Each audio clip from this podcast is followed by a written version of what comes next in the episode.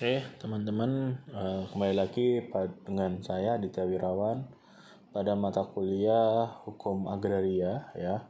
Hari ini kita membahas mengenai hukum jaminan, khususnya adalah hak tanggungan gitu ya. Ya, karena terkait dengan tanah uh, dengan adanya Undang-Undang tahun 96 bahwa semua berkaitan dengan tanah dijamin dengan hak tanggungan namun ada beberapa hal yang nanti akan dijamin dengan fidusia. Adapun uh, perlu kami saya informasikan bahwa uh, kalian sudah libur selama dua minggu ya libur Natal dan tahun baru. Saya harap kalian mulai semangat kembali untuk belajar mengenai materi hukum agraria ya. Mengapa demikian? Karena uh, pengalaman dari kakak-kakak kelas kalian ketika ada libur panjang justru nilai UAS itu menjadi menurun gitu, dibandingkan nilai UTS-nya ya sehingga ini menjadi perhatian khusus buat teman-teman untuk lebih semangat lagi untuk belajar materi mengenai hukum agraria.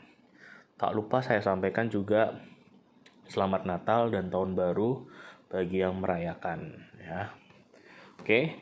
Uh, sebelum kita masuk di dalam hak tanggungan, maka saya kembali lagi pada mata kuliah hukum perdata bahwa perikatan itu bersumber dari dua hal, yaitu undang-undang dan perjanjian. Nah, jadi kalau kita bicara mengenai uh, hak tanggungan atau hukum jaminan, ya, itu pada dasarnya tidak pernah lepas dari timbulnya sebuah perikatan itu sendiri gitu ya.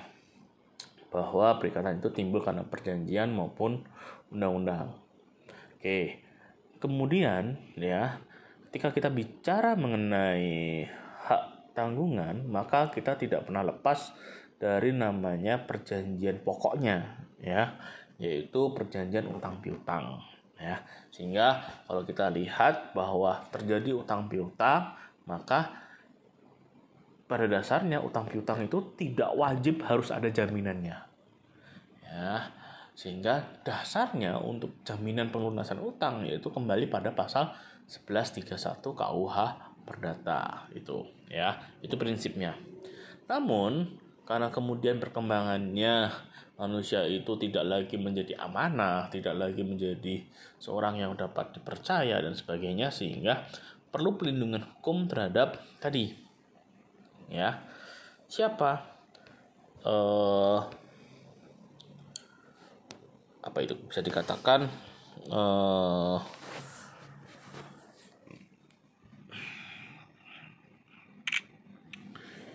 siapa namanya perlindungan terhadap kreditur ya. Debitur dan kreditur gitu ya. Sehingga debitur itu harus menjaminkan barangnya ya. Karena debitur pada prinsipnya ada dua sifat yaitu sifat jaminan kebendaan dan jaminan perorangan. Jaminan perorangan ada portoh ada garansi gitu ya. Itu dua hal. Sedangkan kebendaan ya itu dibagi menjadi empat ya. Gadai hipotek ya kemudian uh, fidusia dan hak tanggungan. Nah, yang akan kita bahas itu adalah dua hal ini, hak tanggungan dan fidusia. Nah, dahulu sebelum adanya hal ini ada namanya kredit perban, ada namanya VO dan sebagainya. Itu adalah hal-hal yang mana di luar tadi ya. Di luar apa yang namanya aturan-aturan tadi di mana uh, di dalam KUH Perdata ya kalau kita bicara gade sudah sudah masih ingat ya kalian ya bahwa uh, mengatasi masalah tanpa masalah itu ya pegadaian ya. Dia prinsipnya adalah investing stelling bahwa benda jaminan itu harus keluar dari tempat kepemilikannya ya. Itu prinsip dari gadai Sedangkan kita bicara hipotek, yaitu hak kebenaran atas benda-benda tidak bergerak untuk mengambil pergantian dari bagi pelunasan suatu perikatan. Pasal 1162 ya. Namun dengan adanya hak tanggungan, terkait dengan tanah semuanya dijamin dengan hak tanggungan. Oke. Kemudian kita bicara kredit korban ya. Kredit korban adalah hak kebenaran atas benda tidak bergerak, tanah serta bangunannya yang diikat dengan sebagai jaminan atas suatu aliansi atau memberikan hak bagi kreditur untuk mengambil pelunasan dari benda yang tidak bergerak tersebut bila mana debitur tidak dapat memenuhi kewajiban kepada kreditur pemegang kredit. Kredit perban hanya dapat diberikan pada lembaga-lembaga perkreditan bank yang ditunjuk oleh pemerintah. Ya, ini dahulu. Sekarang sudah tidak ada lagi lembaga ini, gitu ya. Kemudian eh, dengan adanya Undang-Undang 4 tahun 96 maka hipotek atas tanah dan bangunan sudah tidak lagi berlaku ya. Sehingga untuk hipotek hanya berlaku untuk kapal laut yang ukurannya 20 gross ton ke atas gitu ya.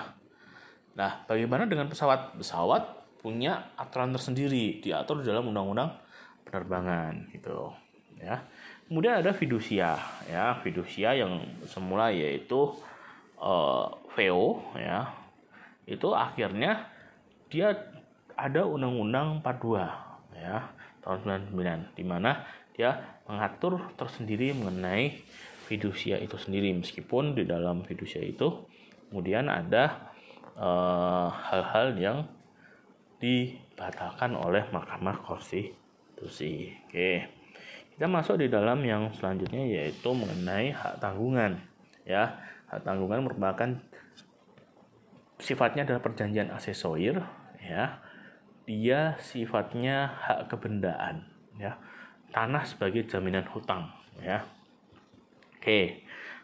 Dasar hukumnya adalah Undang-Undang 4 tahun 96 ya. Tanggal 9 April 96 ya. Hak tanggungan atas tanah beserta benda-benda yang berkaitan dengan tanah disebut dengan hak tanggungan adalah hak jaminan yang dibebankan pada hak atas tanah berikut tidak berikut benda-benda lain yang merupakan satu kesatuan dari tanah itu untuk pelunasan utang tertentu yang memberikan kedudukan diutamakan kepada kreditur tertentu terhadap kreditur-kreditur lainnya.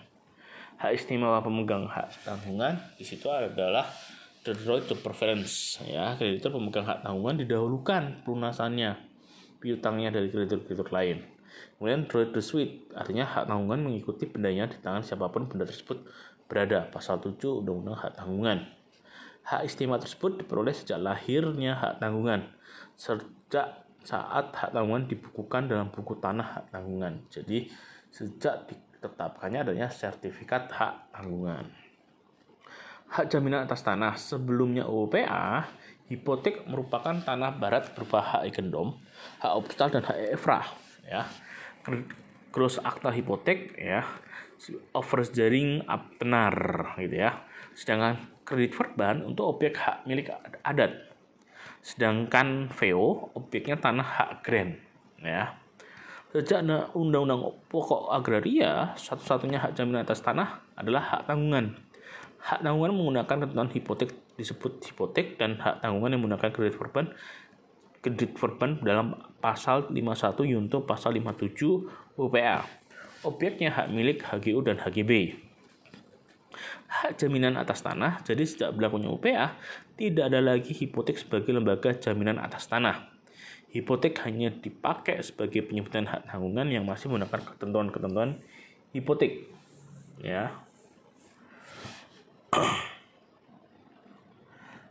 Yang masih menggunakan ketentuan hipotek sementara belum ada undang-undang hak tanggungan. Namun demikian hipotek sebagai lembaga jaminan tetap masih ada, namun objeknya adalah kapal laut. Ya pasal 31 KUHD.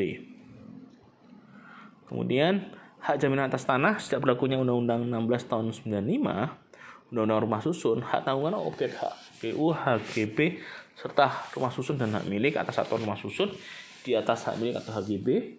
Sedangkan fidusia objeknya hak pakai atau hak rumah susun, hak milik atas rumah susun di atas hak pakai, ya. Jadi ketika kita bicara hak pakai maupun tanah wakaf itu bisa dibebankan dengan fidusia gitu ya. Sejak diundangannya Undang-Undang Hak Tanggungan, hak tanggungan objek tanahnya HM, HGU, HGB, hak pakai, hak rumah susun dan satuan rumah susun di atas HM, HGB dan hak pakai.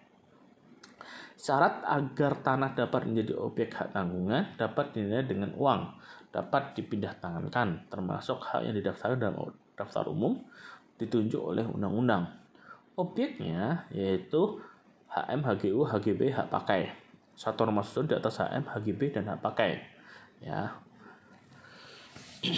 Satuan objek hak tanggungan dapat dibebani lebih dari satu hak tanggungan. Satu objek hak tanggungan dapat dibebani lebih dari satu hak tanggungan guna menjamin pelunasan lebih dari satu utang. Ya, pasal 5 ayat 1 Undang-Undang Hak Tanggungan. Hak tanggungan tidak dapat dibagi-bagi. Hak tanggungan mempunyai sifat tidak dapat dibagi-bagi jika hak tanggungan tersebut dibebankan atas lebih dari satu objek hak tanggungan, seperti dinyatakan dalam pasal 2 ayat 1. Hak tanggungan tidak dapat dibagi-bagi berarti hak tanggungan bersangkutan membebani objek-objek tersebut masing-masing secara utuh. Jika kreditnya dilunasi secara angsuran, hak tanggungan tersebut tetap membebani hak tanggungan yang bersangkutan untuk sisa utang yang belum dilunasi, ya pasal 2 ayat 2 Undang-Undang Hak Tanggungan yaitu mengenai royal parsial gitu ya. Hak tanggungan atas tanah mempunyai sifat asesoir. Hak tanggungan atas tanah mempunyai sifat asesoir maksudnya adalah bahwa kelahiran, eksistensi, peralihan, eksekusi dan hapusnya suatu hak tanggungan ditentukan oleh adanya peralihan dan penghapusan piutang yang dijamin. Ini merupakan hakikat dari hak tanggungan tanpa adanya suatu piutang tertentu secara tegas dijamin pelunasannya. Menurut hukum tidak ada tidak akan ada hak tanggungan ya. Hak tanggungan atas tanah mempunyai sifat asesoir. Jika piutang yang dijamin beralih karena sebab apa pun, maka demi hukum hak tanggungan tersebut juga turut beralih karena hukum. Demikian juga piutang yang dijamin hapus karena hak tanggungan sebagai ekor atau asesoir ya. Dari perjanjian utang piutang tersebut turut hapus demi hukum ya. Perjanjian utang piutang ya secara, karena sifatnya asesoir dari hak tanggungan pemberiannya haruslah merupakan ikutan dari perjanjian pokok. Perjanjian yang menimbulkan hubungan utang piutang yang dijamin pelunasannya. Perjanjian tersebut dapat dibuat akta di bawah tangan atau harus dengan akta otentik tergantung ketentuan hukum yang mengaturnya perjanjian utang piutang apakah perjanjian utang piutang perjanjian kredit yang bersangkutan dapat dibuat di luar negeri jika perjanjian tersebut berupa perjanjian utang piutang. Perjanjian tersebut dapat dibuat di dalam negeri ataupun di luar negeri dan pihak-pihaknya dapat orang orang orang orang perorangan maupun badan hukum asing sepanjang kreditnya dipergunakan untuk kepentingan pembangunan di Indonesia. Penjelasan pasal 10 Undang-Undang Hak Tanggungan. Utang yang dijamin. Utang yang dijamin dapat berupa utang yang telah ada yang telah diperjanjikan dengan jumlah tertentu atau jumlah yang ada pada saat permohonan eksekusi. Pasal 3 ayat 1 Undang-Undang Hak Tanggungan. Satu utang yang berasal dari satu utang yang berasal dari satu hubungan hukum atau untuk satu utang atau lebih berserta beberapa hubungan hukum pasal 3 ayat 2 Undang-Undang Hak Tanggungan. Contoh, utang berkaitan dengan perjanjian kredit sindikasi ya. Jadi di sini ada suatu proyek, maka di situ ada pinjam uang ya dengan kredit sindikasi di mana terdapat beberapa kreditur yang memegang HT yang sama secara pari pasu ya. Untuk pembagian hasil eksekusinya jaminan maka di antara kreditur buat perjanjian pembagian hasil jaminan gitu ya. Misalkan proyek jantol ya jasa marga. Terus krediturnya ya Bank Mandiri, Bank BNI, Bank BRI ya. Misalkan 15 miliar. 555. Nah, berarti 33 persen, 33 persen, 33 persen gitu ya, 33,33 persen dan sebagainya ya. Nah, kemudian jaminannya adalah hak pengelolaan tadi, ya hak pengelolaan terhadap uh, jalan tol tadi. Nah, ketika uh, tidak mampu, ya si debiturnya maka hak pengelolaannya diambil alih oleh tadi, ya si uh, bank tadi kreditor tadi gitu Pemberian hak tanggungan, pemberian hak tanggungan dapat berupa orang perorangan atau badan hukum yang mempunyai kewenangan untuk melakukan perbuatan hukum terhadap objek hak tanggungan yang bersangkutan. Lalu pemegang hak tanggungan adalah orang perorangan atau badan hukum yang berkedudukan sebagai pihak yang berpiutang, pasal 9 Undang-Undang Hak Tanggungan. Pemberian hak tanggungan, kewenangannya pemberian hak tanggungan harus ada. Kewenangan untuk melakukan perbuatan hukum tersebut harus ada pada saat pendaftaran hak tanggungan. Dilakukan pasal 8 ayat 2 karena lahirnya hak tanggungan adalah pada saat didaftarkan hak tanggungan tersebut. Sehingga kewenangan untuk melakukan perbuatan hukum terhadap objek tanggungan diharuskan pada saat perbuatan buku tanah hak tanggungan. Jadi jelas bahwa kewenangan pemberian hak tanggungan tersebut harus ada pada pemberi hak tanggungan pada saat pendaftaran hak tanggungan dilakukan, tepatnya pada saat pembuatan buku tanah hak tanggungan. Untuk itu harus dibuktikan keabsahan kewenangan tersebut pada tanggal didaftarkan hak tanggungan yang bersangkutan. Pasal 8 ayat 2 Undang-Undang Hak Tanggungan dan penjelasannya. Hal-hal yang wajib dicantumkan dalam APHT ya, akta pembebanan hak tanggungan, asas spesialitas, nama, identitas pemegang pemberi hak tanggungan, domisili pemegang pemberi hak tanggungan, penunjukan secara jelas utang dan utang-utang yang dijamin, nilai tanggungannya, orang yang jelas mengenai objek hak tanggungan. Hal tersebut sifatnya wajib untuk sahnya APHT. Tidak dicantumkan secara lengkap, ya hal-hal tersebut mengakibatkan akta yang bersangkutan batal demi hukum. Ketentuan tersebut dimasukkan untuk memenuhi asas spesialitas dari hak tanggungan baik mengenai subjek, objek maupun utang yang dijamin. Janji yang dilarang.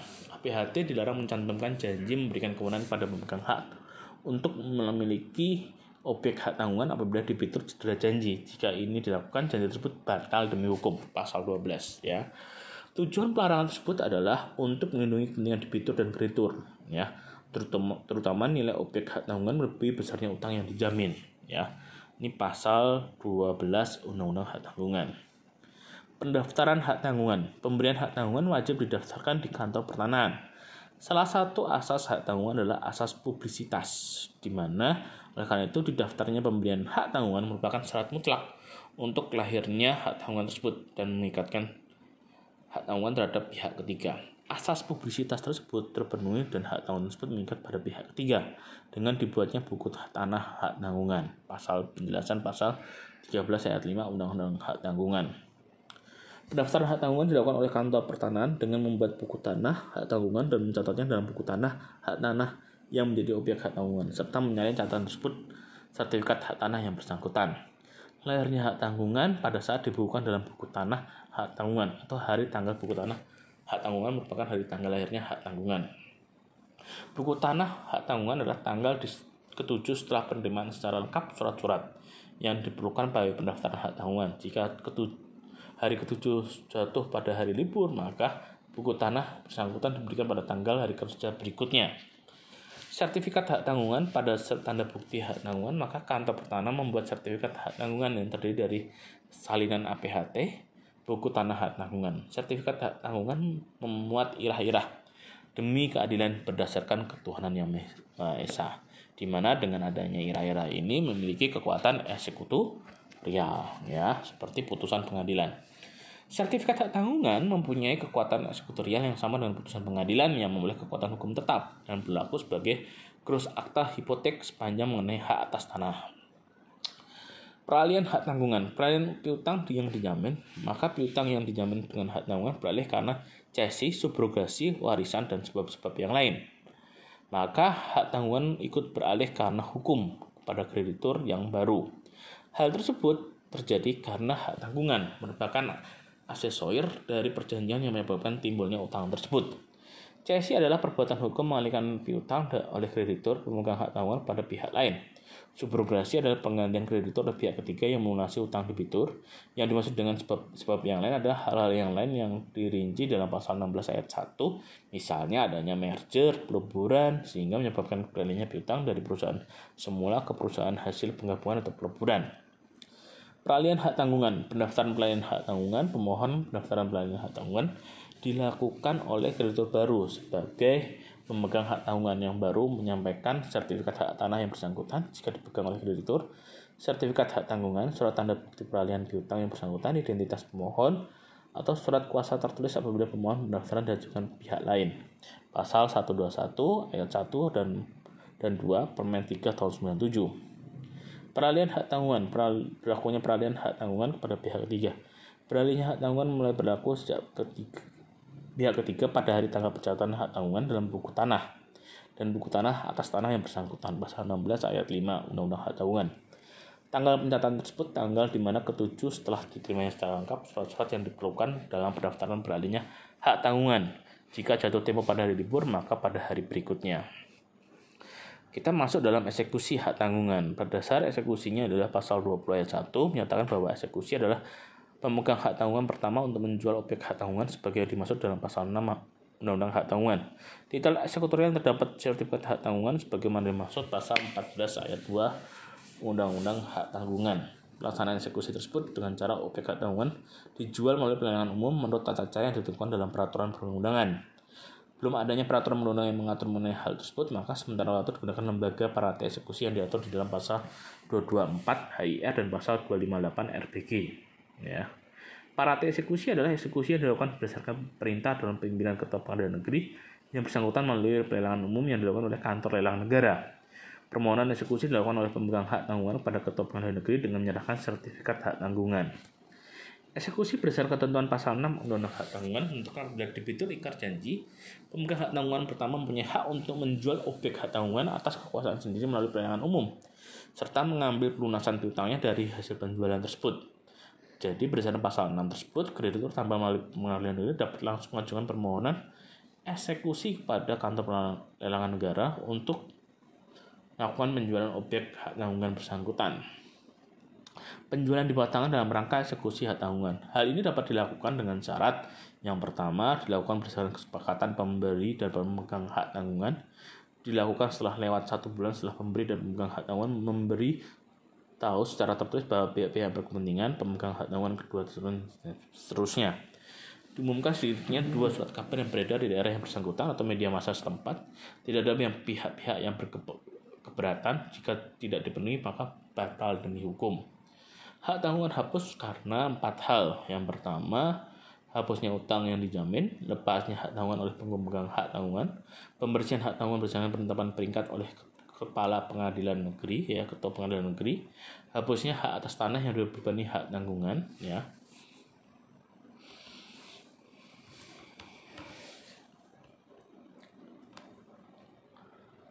Lalu roya hak tanggungan.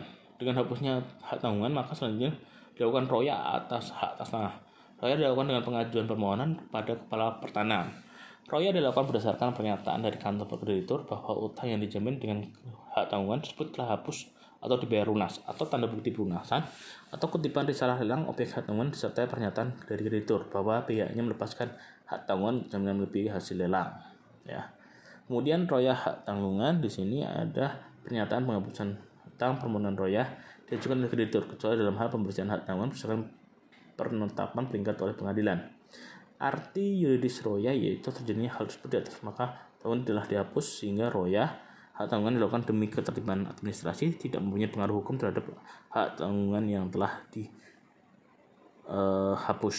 Uh, royah parsial yaitu penghapusan sebagian hak tanggungan dari objek yang dibebaninya Dasar hukumnya pasal 2 ayat 2 merupakan pengecualian dari asas yang tercantum dalam 2 ayat 1 yang menyatakan hak tanggungan mempunyai sifat yang tidak dapat dibagi-bagi.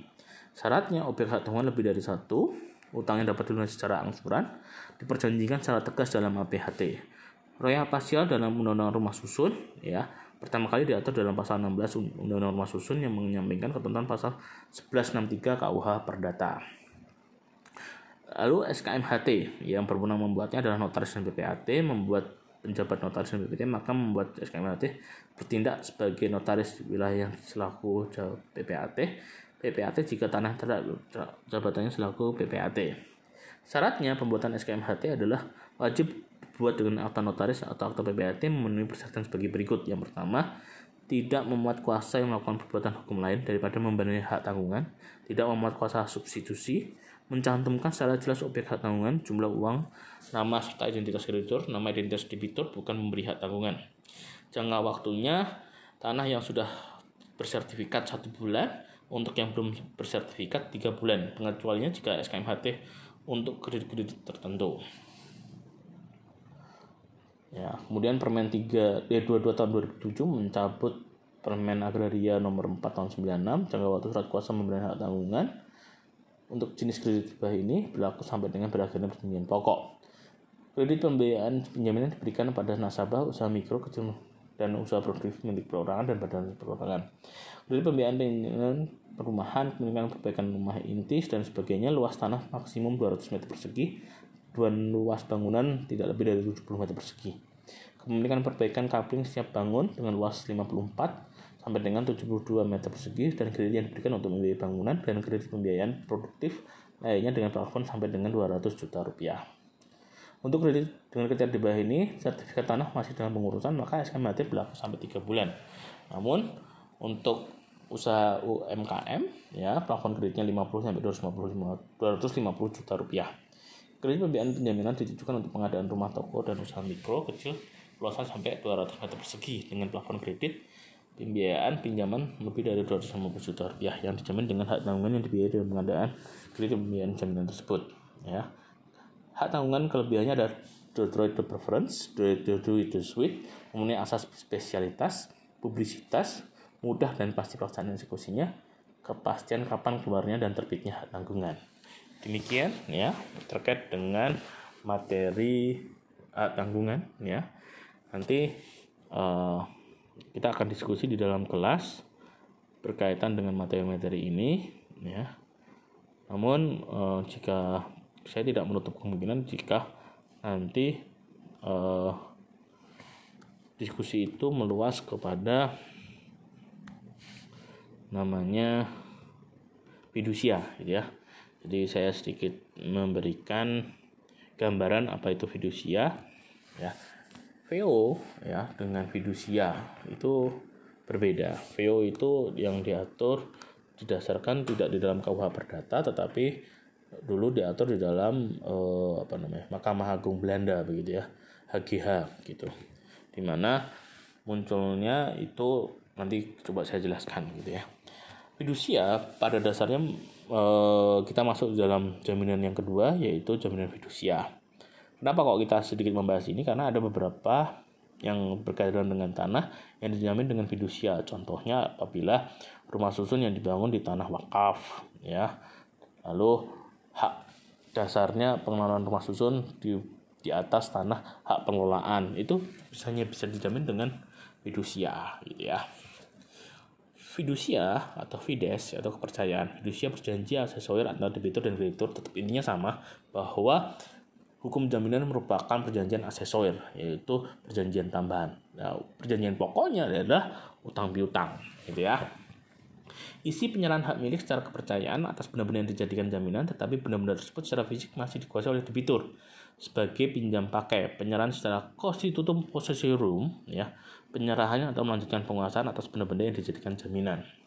Sejarah timbulnya fidusia sebelum Undang-Undang 42 tahun 99 adanya jurisprudensi Berwich Arrest dan Bertelum Match. Berwich Arrest adalah meminjamkan 6000 golden pada bos, jaminannya tanah dan bangunan tempat usaha untuk menjamin pelunasan utang. Bos menjual inventaris kafe dengan membeli kembali dengan syarat bos menguasai inventaris tersebut dengan hak pinjam pakai. Pinjam pakai berakhir jika bos cedera janji dan bos pilot. Ternyata bos pilot kekayaan diurus oleh kurator pilot. Lalu Browitz menuntut rendifikasi beslah. Kurator menolak alasan jual beli dengan hak membeli kembali tidak sah karena perjanjian pura-pura. Putusan tingkat pertama menolak gugatan membatalkan perjanjian jual beli dengan hak membeli kembali dengan alasan perjanjian pura-pura karena sebenarnya gade dengan syarat implicit selling ya harus keluar dari uh, pemilik benda tersebut tidak dipenuhinya kriteria dalam pasal 1152 ya ayat 2 KUH Perdata. Di tingkat 2 menyatakan perjanjian jual beli dan hak kembali sah. Bos harus menyerahkan inventaris pada Berwich. Di kasasi Honggerat, perjanjiannya ada perjanjian pinjam meminjam dengan jaminan kebendaan.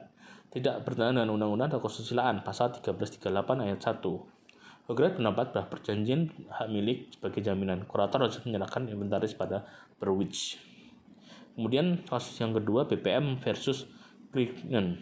Crichton minjem uang pada BPM sebagai jaminan diserahkan hak atas mobil secara kepercayaan. Crichton tetap mengasih benda tersebut atas dasar perjanjian pinjam pakai pada BPM. Perjanjian berakhir jika Clinton membayar hutangnya. Ternyata Clinton lalai membayar hutang BPM menuntut penyerahan mobil. Clinton menolak alasannya perjanjian tidak sah karena sebenarnya gade tanpa implicit styling. Keputusan Hongkong menolak alasan Clinton karena perjanjian akan dibuat bukan gade tetapi VO. Dengan demikian maka Clinton harus menyerahkan mobil pada BPM. Objek fidusia semula hanya benda bergerak. Dengan keputusan PT Surabaya tanggal 22 Maret tahun 51, keputusan MA 372 tahun 70, benda tetap dapat jaminan dengan fidusia. Dalam perkembangannya, ada undang-undang rumah susun ya hak pakai atas rumah susun. Namun dengan adanya Undang-Undang 496 hak pakai atas negara menjadi objek hak tanggungan.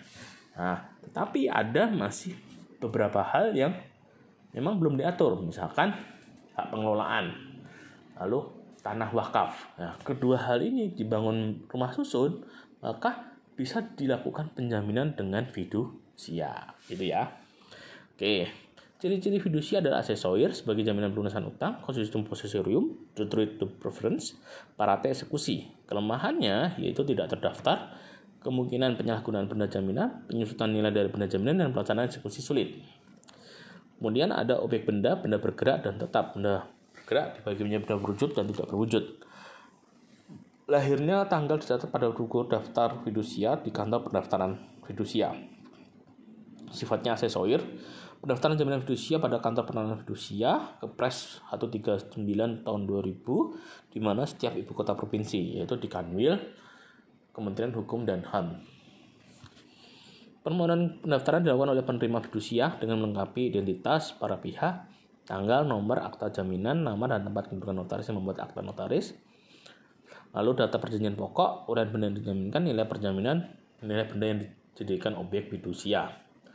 Akibatnya melahirkan jaminan fidusia pada penerima fidusia, kepastian terhadap kreditur lainnya mengenai benda yang dijaminkan dengan fidusia, memberikan hak yang didahulukan terhadap kreditur lain memenuhi asas publisitas, eksekusi jaminan sebelum undang-undang 42 tidak ada kepastian sementara dengan adanya undang-undang jabatan fidusia ya jaminan fidusia pasal 30 debitur wajib menyerahkan benda yang dijadikan objek fidusia untuk pelaksanaan eksekusi dalam penjelasan pasal 30 diberikan fidusia tidak menyerahkan penerimaan fidusia berat mengambil bila perlu dengan bantuan yang berwenang. Cara eksekusi fidusia pelaksanaan digital eksekutorial menjual atas kemauan sendiri melalui pelelangan umum penjualan di bawah tangan.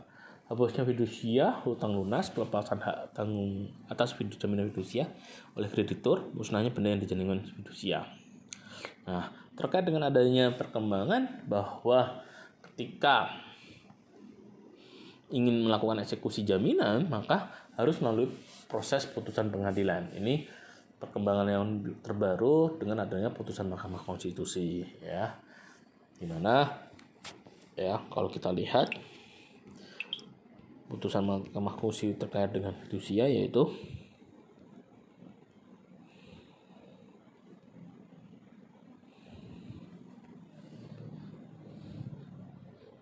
putusan MK nomor 18 PUU no, uh, strip 17 Romawi garis miring 2019 sehingga di sini uh, tidak dapat dilakukan eksekusi jaminan harus melalui putusan pengadilan terlebih dahulu itu demikian nanti diskusinya kita perluas di dalam ruang perkuliahan. Terima kasih.